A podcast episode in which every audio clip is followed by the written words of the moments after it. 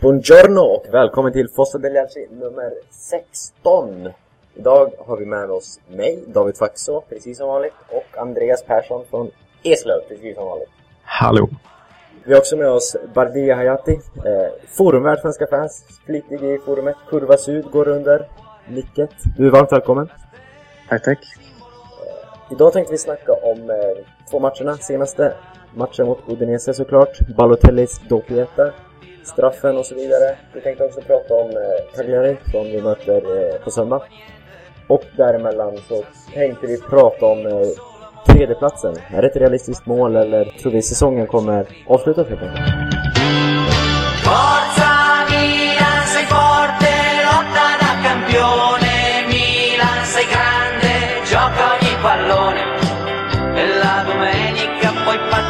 rispettare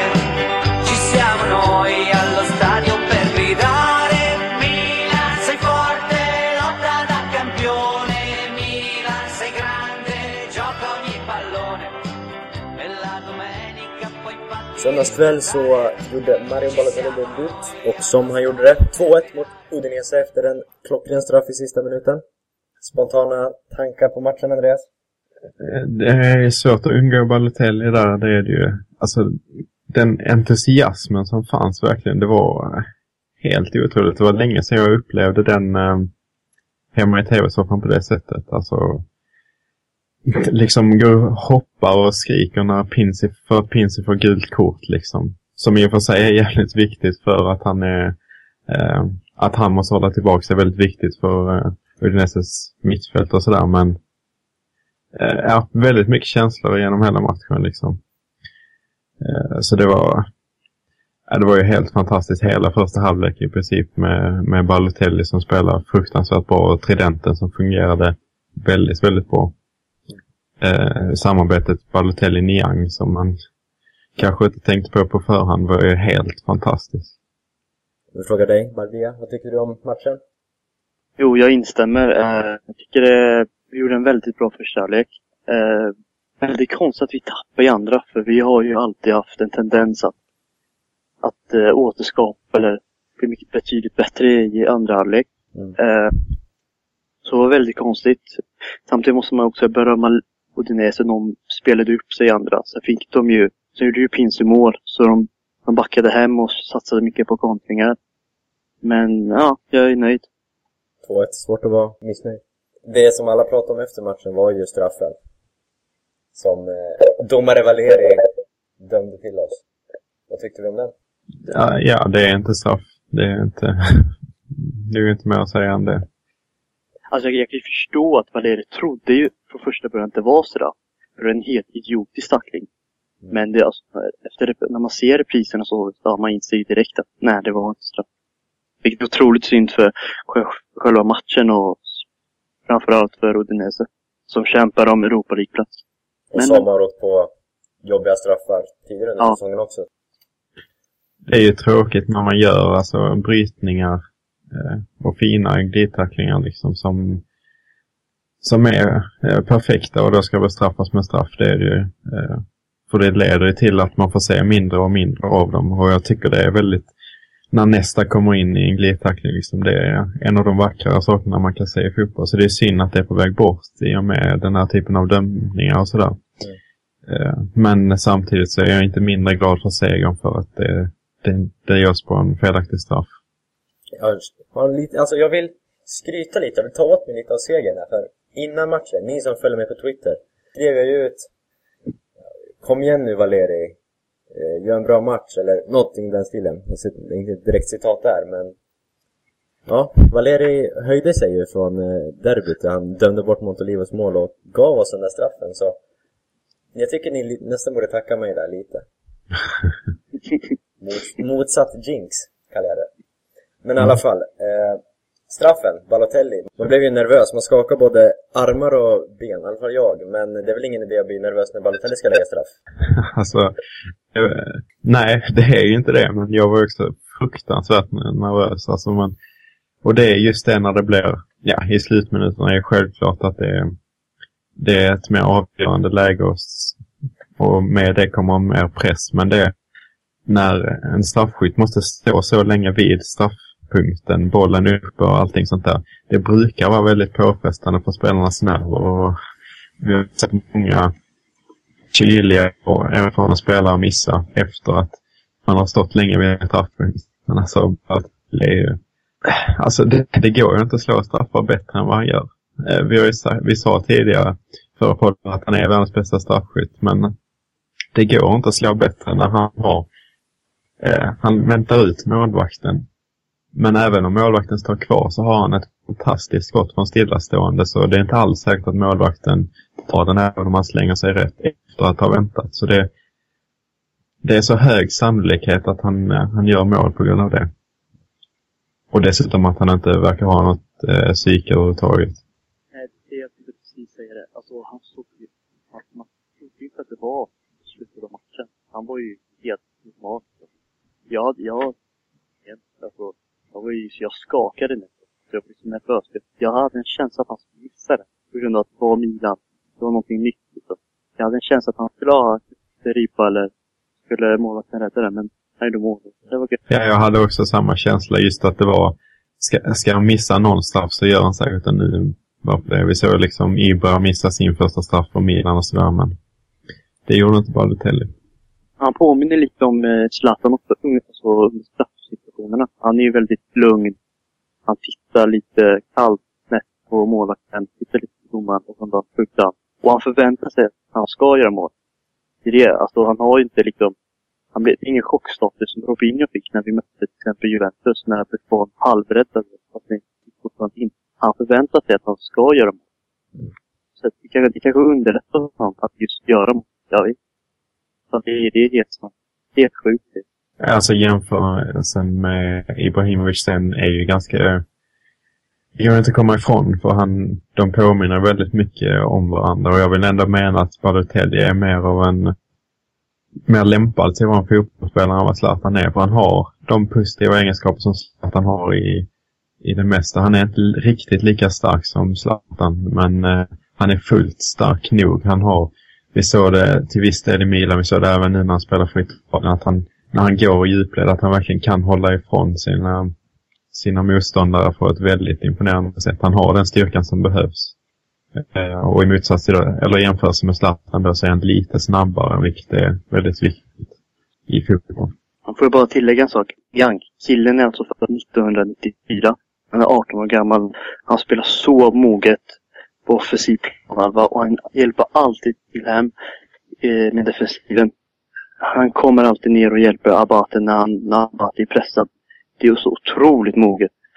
Och eh, jag vill bara säga att jag vill inte låta fördomsfull, men så franska talanger med invandrarbakgrund brukar ju ha en tendens att spela lite, spela för jaget före laget.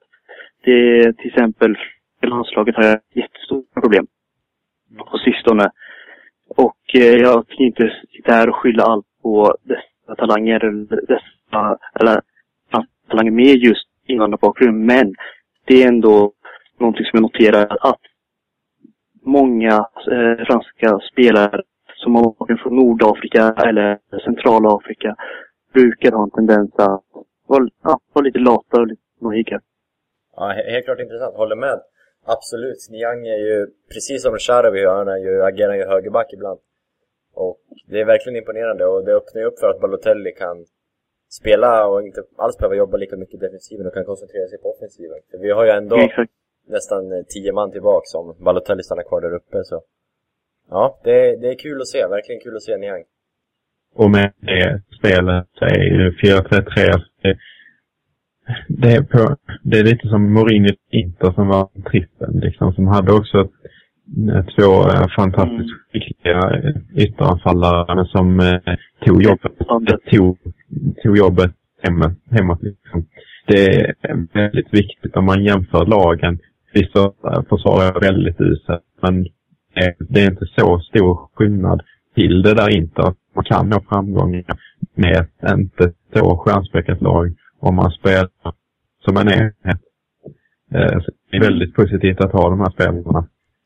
Eh, Det är det verkligen. Och eh, så har han ju ett jävla skott också. Det är helt sjukt.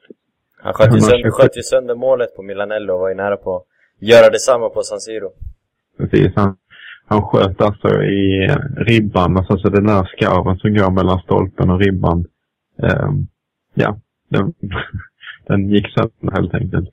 Och mätte det 127 kilometer i timmen och sånt där. Det är det han drog på. Eh, på volley senast. Alltså den studsade ju först långt utanför straffområdet. Det var en jävla träff. Mm, missade lite mycket dock, men kom han lär inte så ändå. Han hade ju ett jättefint läge just en, var en jättefin pass av Balotelli, tror jag. Var det Balotelli? Ja. Ja, ja. Som jag ty- alltså det, det där var ju vara mål tycker jag. Mm. Men han gör ju mycket nytta, det gör han definitivt. För en, alltså för en spelare som fortfarande är född 94, så är han jätte- alltså det är helt sjukt. Ja, det, är- det är väldigt spännande. Det, jag hade inte alls så höga förväntningar på spelaren. Som, eh, så det är väldigt positivt att han visar de här kvaliteterna. Och liksom petar Robinho så som det i dagsläget. Det var synd att man inte lyckades skeppa iväg Robinho under vinterfönstret nu. Han sitter på en väldigt hög lön och när han väl kommit in nu så har han varit riktigt, riktigt dålig. Ja, urusel. Det är synd att vi inte lyckas få iväg honom nu när Niang blomstrar som man gör. Men eh, vi får väl vänta ett halvår till, sen försvinner nog Robinho. Det tror jag också. Och samtidigt som man, eh, som man konstaterar det så Niang är född 94 och man kan inte förlita sig på att han ska hålla. Eh, nu har han inte spelat hela säsongen men eh, alltså över en längre tid så är det väldigt vanligt att unga spelare formdippar. Mm. Eh, så det, är- det är ingenting som man kan förlita sig på. Jag är skeptisk till att man förlitar sig till El Shaarawy så mycket som man gör. Eh, nu har han ju spelat jättebra men det, man, man bör egentligen inte göra så till, på, med så pass unga spelare. Nej, så därför Robinho kan ju komma till nytta både vänster och höger kanten. Men ja, vi har ju Bojan som jag tycker kan spela på kanten och har spelat på kanten i sin karriär. Gjorde det i Roma bland annat. Så, ja. Men eh, Robinho är kvar och han får sitta på bänken så länge som Nyang presterar. Kan man väl sammanfatta det hela med. Ja, eh, på tal om, eh, på tal om Robinho. Jag blir lite rädd när jag hör eller ser och uppfattar att Robinho är bänk. För Robinho är egentligen inte en spelare, är, en spelare man ska försöka hålla, man ska försöka göra så att han blir glad. Och med tanke på att det är så få brasilianer i laget, eh, han är ju lite kär i sina brasilianska kompisar, så blir jag lite rädd att han ska kanske börja klaga inofficiellt och officiellt till diverse medier. Och, för det, och det kommer ju förstöra stämningen i laget.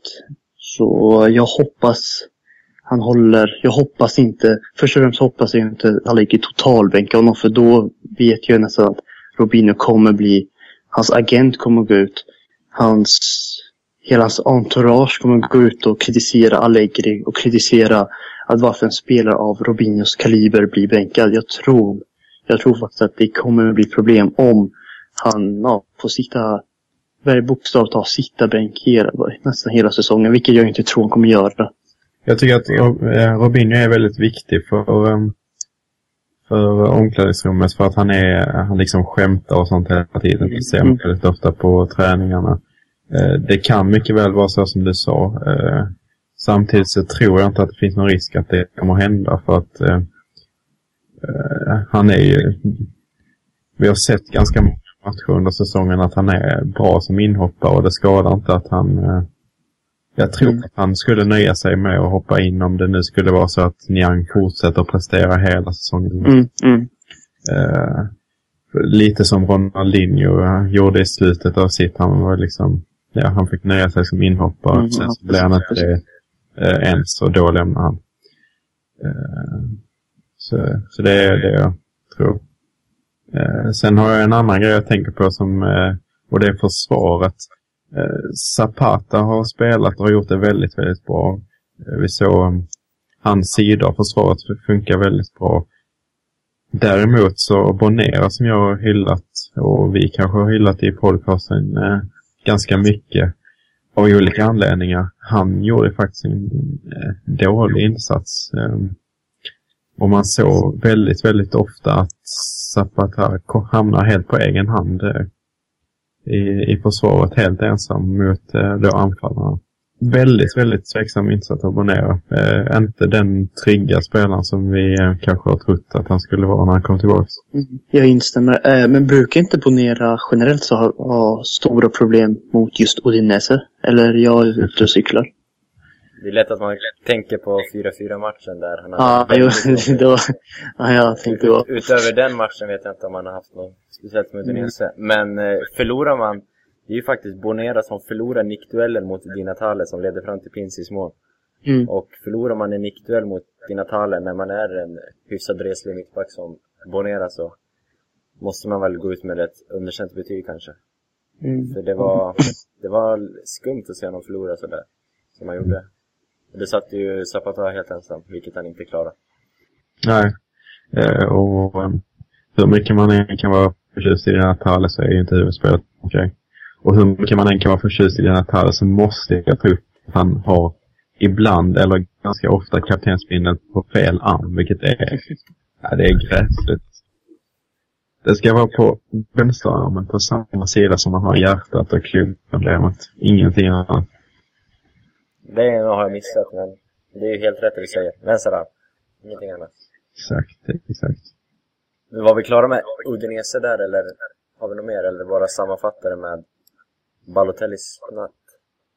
Ja, natten är lång alltså. Jag är, jag är glad att jag skulle fortsätta natten väldigt länge för det var ju Super Bowl natt Mm. så det blev ju onödigt där på natten. Men jag hade nog inte somnat senare även om jag hade stannat hemma och försökt sova. Nej, fantastisk kväll. Super Balotelli. Milan, Milan, corre va, più nessuno ti fermerà. Milan, Milan, mondo intero può conquistar. I och med seger mot Udinese och Lazios poängtapp förra omgången så har vi riktigt bra häng på tredjeplatsen. Tre pinnar bakom nu och vid vinst mot Cagliari och Lazio, om de förlorar helt enkelt mot Napoli imorgon lördag så avancerar vi väl, går om Lazio om jag inte har fel ute. Och då har vi den här återvärda Champions League-platsen som både Allegri och Galliani har förkunnat är säsongens mål. Om vi börjar med Andreas, tror du vi hamnar topp tre i slutändan? Eh, formkurvorna just nu talar ju väldigt mycket för det. Vi var ju tid, in, tidigt inne på att vi absolut skulle drömma om det även när vi låg liksom på 9, 10, 11 plats liksom. För att det skulle ta ett tag att spela ihop laget och nu ser vi ju konsekvensen av det. Vi kan absolut eh, hålla i det, eh, den här formen tror jag. Och Balotelli blir ju någonstans en chansning. Antingen så blir det bättre eller så kanske det vänder, det vet man ju inte. Men, men vi har absolut chansen. Det är ju liksom tre poäng på en jättelång säsong. Eh, det är ju ingenting. Vi har fått in Balotelli och så tappar Lazio Klose nu i två månader. Eh, och är det någonting som Lazio kanske saknar så är det ju bredden, även om Flockare har gjort det väldigt bra. Men eh, de saknar bredd. Vad tror du, Bardia? Topp tre, är det realistiskt slutmål? Ja, det är realistiskt. Vi ska också komma ihåg att Inter, alltså vi ligger ju före Inter, vilket är helt absurt med tanke på att Inter låg alltså 11-12 poäng för, eh, före oss. Mm. Alltså det är helt galet. Och då tänker man, är det vi som har gjort en så jätte, jättebra alltså, säsong efter nionde omgången eller är det Inter som har tappat totalt? Jag skulle vilja säga att vi har gjort det, vi har gjort det jättebra samtidigt som Inter har tappat. Eh, och det är Inter har tappat, Fiorentina har tappat, Roma har tappat. Lazio tror jag börjar tappa nu när Hernanes och Klose är borta. I och för sig har de ju värvat Luis Zaha, men han är inte, det är inte United Zaha längre. Så jag tror att vi har en god chans att ta den tredje och sista Champions League-platsen. Om vi siktar högre än så, är det möjligt? Napoli och Juventus är ju ganska seglat iväg nu, men med, fortsätter Milan i den här formen och Napoli och Juve fortsätter med sin så är inte det mission impossible, även om det ser otroligt svårt ut. Mm, de, de, måste, Nej, kör. de, måste, ja, de måste börja tappa mycket poäng då, det är det. För Ju- Juventus har ju Champions League som de, ja de möter ju Celtic nu, nu, nu på tisdag eller på onsdag. Eh, och går Juventus långt så kommer, ju, kommer de kanske, vad ska man säga, underskattar ligan. De kanske de spelar med reservlaget och de har ändå tappat rätt så många poäng. Mm. Och Napoli, jag tror tyvärr inte Napoli tappar, det är det. Mm. Men, nej. Det är inte mission impossible, men det kommer bli som sagt riktigt tufft. Det är väldigt tufft, absolut. Men det, det finns ju en väldigt viktig poäng att göra i att motståndarna är inte så himla bra som vi försökte göra, som de målas upp till ibland. Wilbacher var inne på det när vi hade honom här, när, det, när Milan låg ganska mycket efter. Han var inne på det att Inter är en, har Stramaccioni i en över, övergångsperiod liksom. Och, och alltså alla, alla klubbar som eh, slåss, vi slåss om med och mot eh, är, um, är inte så himla bra egentligen. De har alla tydliga svagheter och även Juventus har visat det nu. Eh, jag är väl inte speciellt hoppfull på Scudetton, men jag vet inte. Är du orolig över att på, få skaffa Boateng? Du kommer ihåg det? Ja, ja, jo. Du har ju lovat att du ska klippa dina ben som El Sharawi, hur nu det ska gå till. Men, ja. ja, jag är lite, börjar bli lite rädd nu för uh, Boateng-frissan, men uh, ja. Nej. Du ska, ja, du ska vara glad att det är Boateng och inte El Sharawi. Ja, min polare har lovat El Sharawi, så jag ska kanske vara nöjd. Men i alla fall, eh, som sagt, Lazio har ju både Klose Hernandez borta och även Brocchi. Inget jättetungt hopp, men kanske, eller tapp kanske, men eh, det är en otroligt jobbig skada han åker på mot Matusalem. Så den gamle Milanistin är väl kanske värd att skänka en tanke till, för det var inte kul alls att se det där tacklingen som, eller som Matusalem delade ut. Mm, en före detta Lazio-spelare också. Exakt. Han spelade, ja, han lämnade ju nu i, nu under januari Mercato. Exakt, så det var tråkigt för Brock, men eh, vi kan, om, vi, om vi tittar neråt i tabellen, vilka tror ni är det som kan eh, hota, eller vilka är det som kommer konkurrera om tredjeplatsen? Är det Milan, Lazio, Roma? Eller Milan, Lazio, Inter? Eller vad tror ni det blir? Svårt att se hur Roma kommer att reagera på sitt tränarbyte, men jag, jag har svårt att se att de lyfter så pass mycket, som de behöver göra. För ett, ett par veckor sedan så var jag väldigt orolig för eh, Udinese som hade en formkurva som pekade stabilt uppåt. De fick tillbaka alla sina skadade spelare och sådär. Men sen så gör de den här fullkomliga plattmatchen eh, när de har väldigt fina förutsättningar mot Juventus. Eh, och efter det så har de gjort svaga insatser match efter match. Så jag vet inte, man kanske inte ska vara så orolig för dem trots allt. Så, Det, det är ju svårt att komma ifrån Inter till exempel, även om de går väldigt dåligt just nu. Mm. Alltså, om- jag tycker, jag tycker personligen att inte gjorde en, alltså en rätt så dålig vintermercato. Om de hade gjort en, om de kanske hade hämtat in någon spelare, alltså av yppersta världsklass. Nu tror jag, nu har inte inte den ekonomin, absolut inte. Men alltså om de hade hämtat in en, en riktigt stark spelare så tror då hade det blivit ännu jobbigare. Och som sagt, Lazio har inte, Lazio har inte bredden. Och, och de har ändå kuppen. De, de, de är väl i final. Och ja, de lär ju satsa på den liksom. Och, även om det är bara en match. Men ja, jag tror som sagt att vi har en god chans. Det gäller bara att vi måste fortsätta ta tre poäng. Vi måste fortsätta. Speciellt nu när vi möter lag, med all respekt, lag som Cagliari. Vi måste ta tre poäng helt enkelt. Sen så har vi också varit inne på det här eh, som kan bli avgörande också med Berlusconi. För vi snackade om det mycket tidigare. Eh, Berlusconi är fruktansvärt viktig med sin närvaro. Och det har vi sagt gång på gång på gång. Och det är liksom lätt att man säger det. Ja, han är väldigt viktig och sådär. Nu får vi se hur det går. För när han kom in, det var ju då vi lyfte. Och det är då vi har spelat riktigt, riktigt bra. Nu har han ju sagt att han eh, lämnar över Milan i goda händer. Han ska han måste lämna Milan igen liksom för politiken då. Det, det är ju ett val som kommer upp nu eh, inom de närmsta veckorna. 24 februari va? Derby day. Precis. Eh, och det, jag ser att det, det, det kan ha en väldigt stor betydelse. Sen får vi se om det har det eller inte. Vi, eh, ska vi fortsätta Berlusconi-spåret? Det har ju varit uttalanden från eh, flera delar av familjen. Kanske framförallt Berlusconis bror som han har kallats i flera, både Aftonbladet, Expressen och även eh, Svenska fans, inte mina redaktioner då utan ja, centralredaktionen har kallat Berlusconis bror. Tycker jag lite är intressant. Men i alla fall, Paolo, Paolo Berlusconi var ju ute med eh, rasistiska uttalanden mot Balotelli helt enkelt. Han sa att han skulle gå och titta på familjens svarta, vad var det han sa? Det kommer vara li- familjens lilla svarta, ja, något i den stilen. Mm. I alla fall.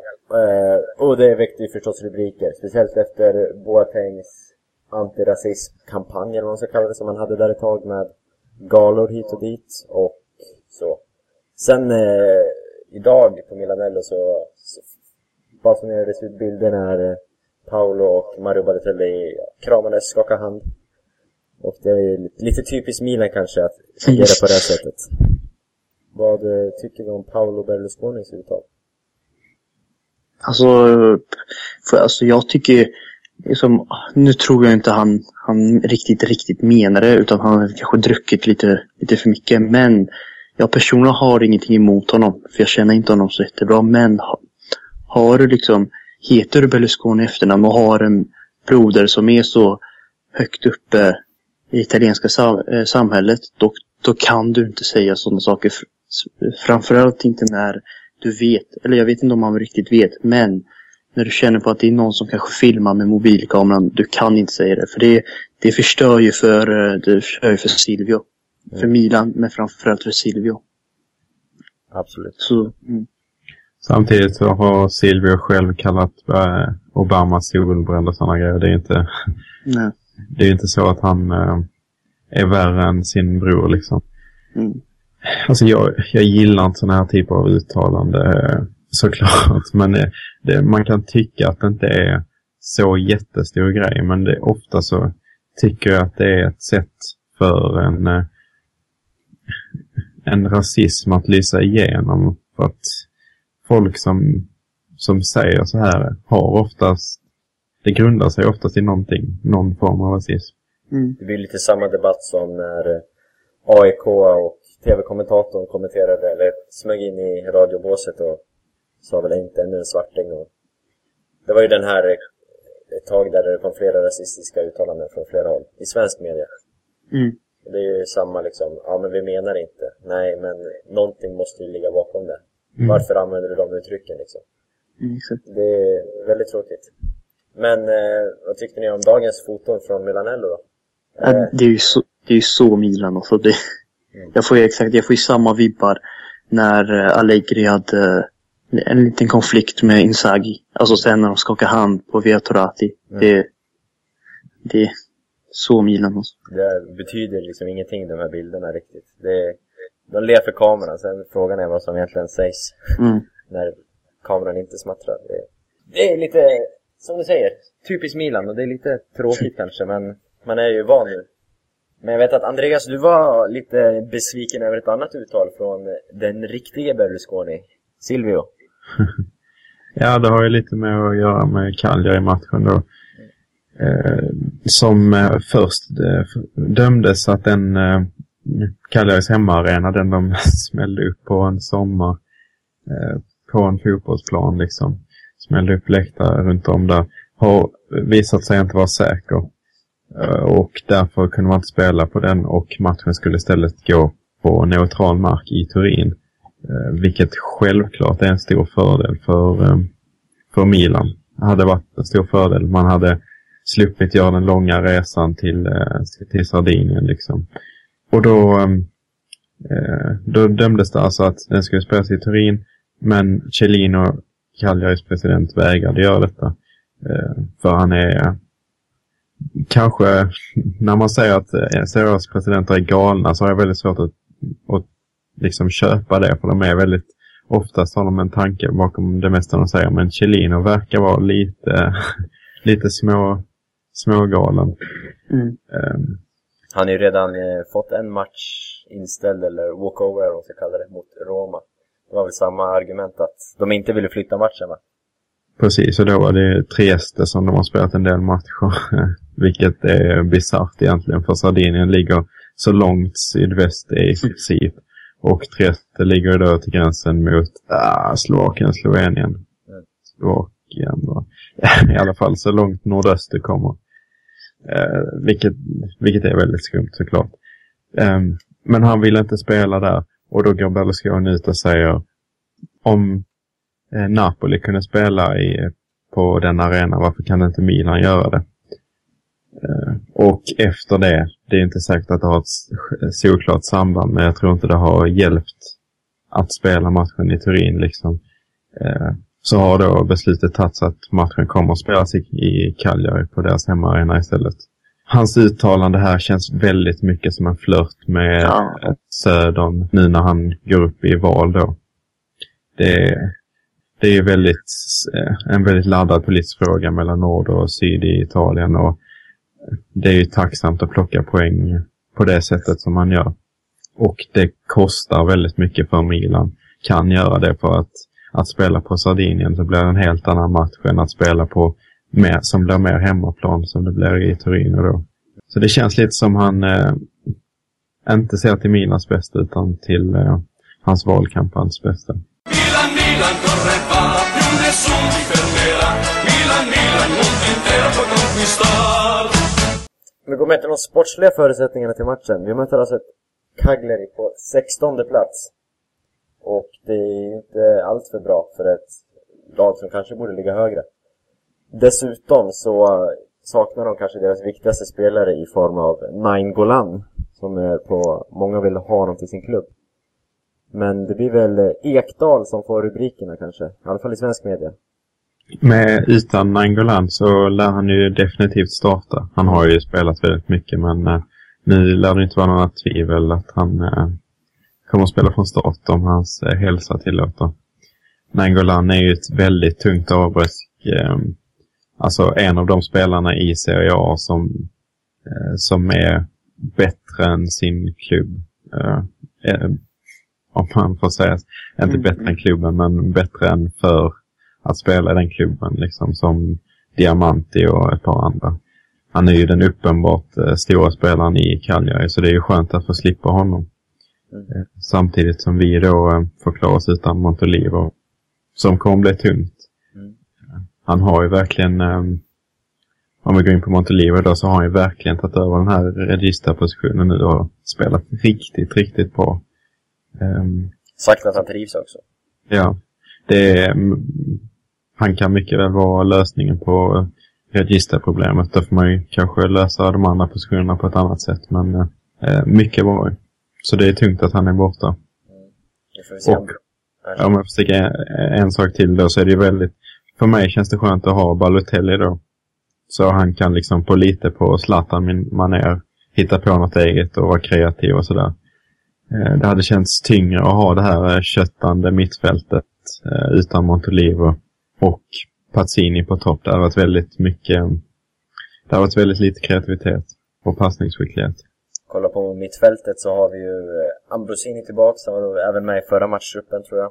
Men eh, att ha ett mittfält med eh, Ambrosini, Nocerino, Flamini eller eventuellt Boateng låter ju inte allt för lockande kanske. Så har du något alternativ till det Bardia?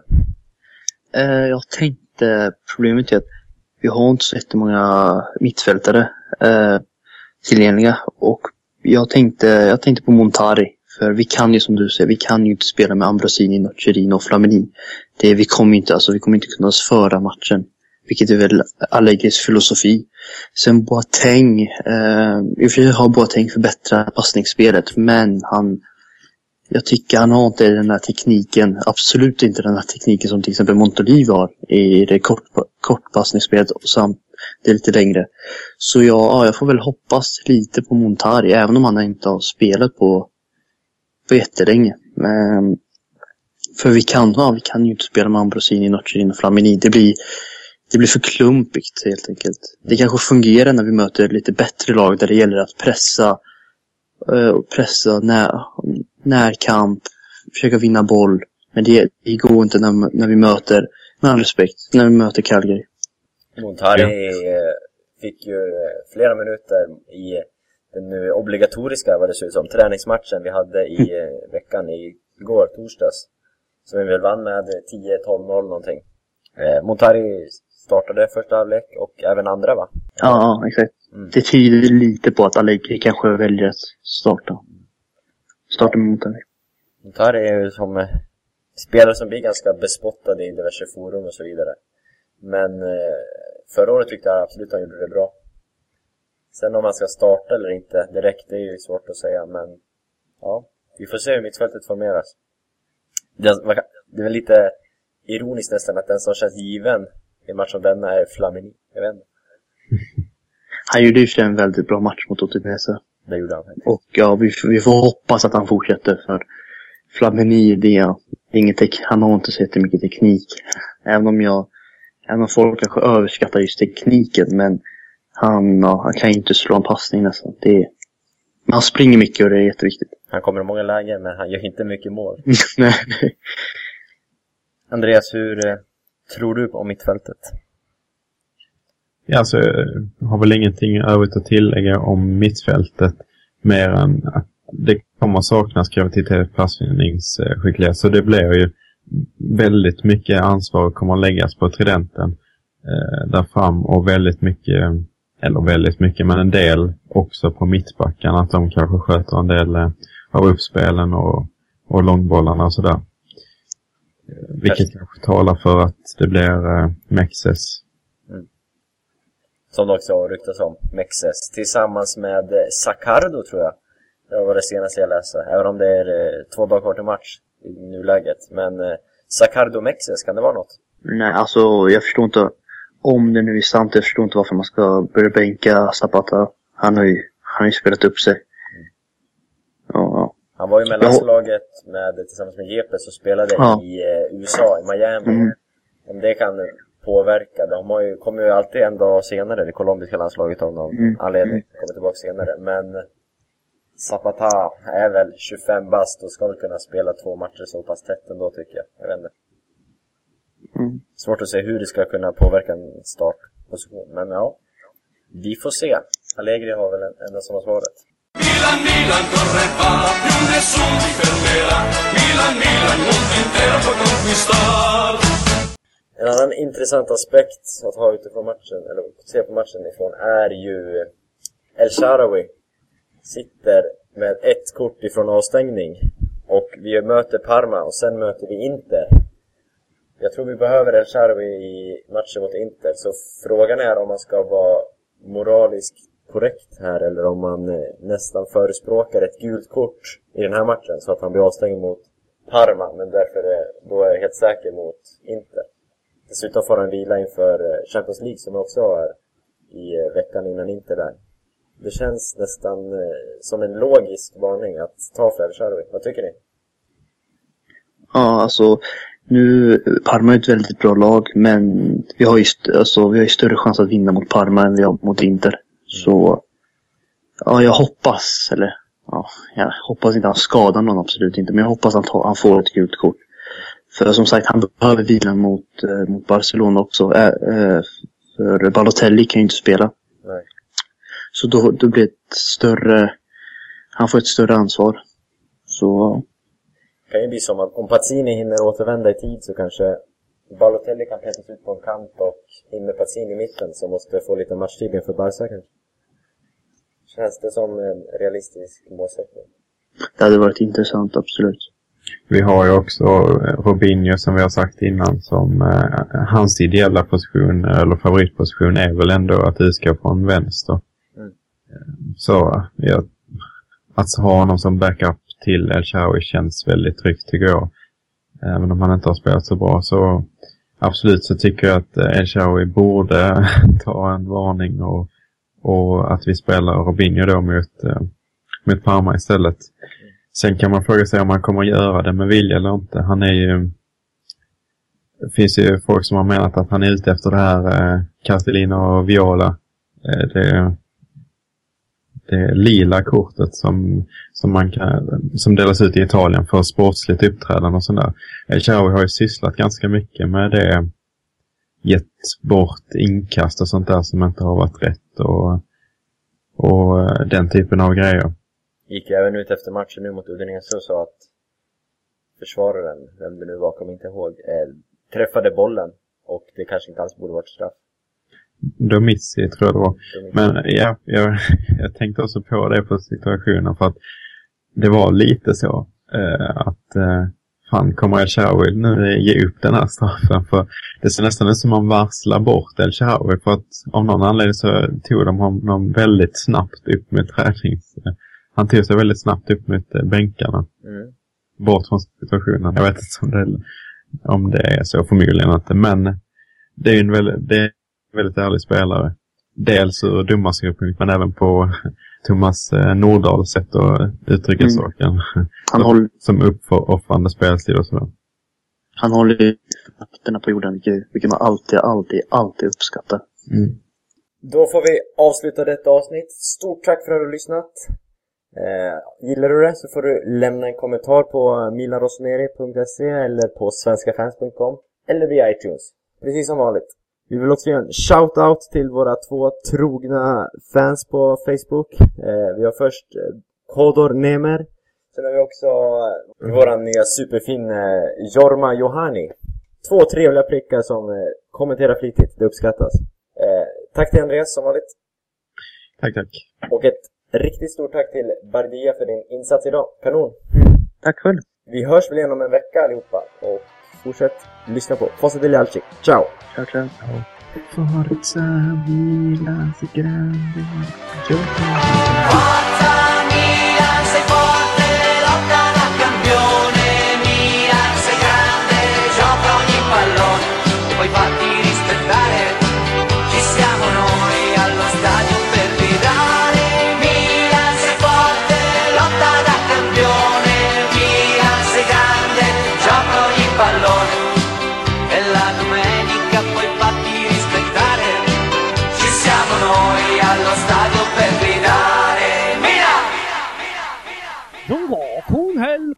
mi Misendaan qua le.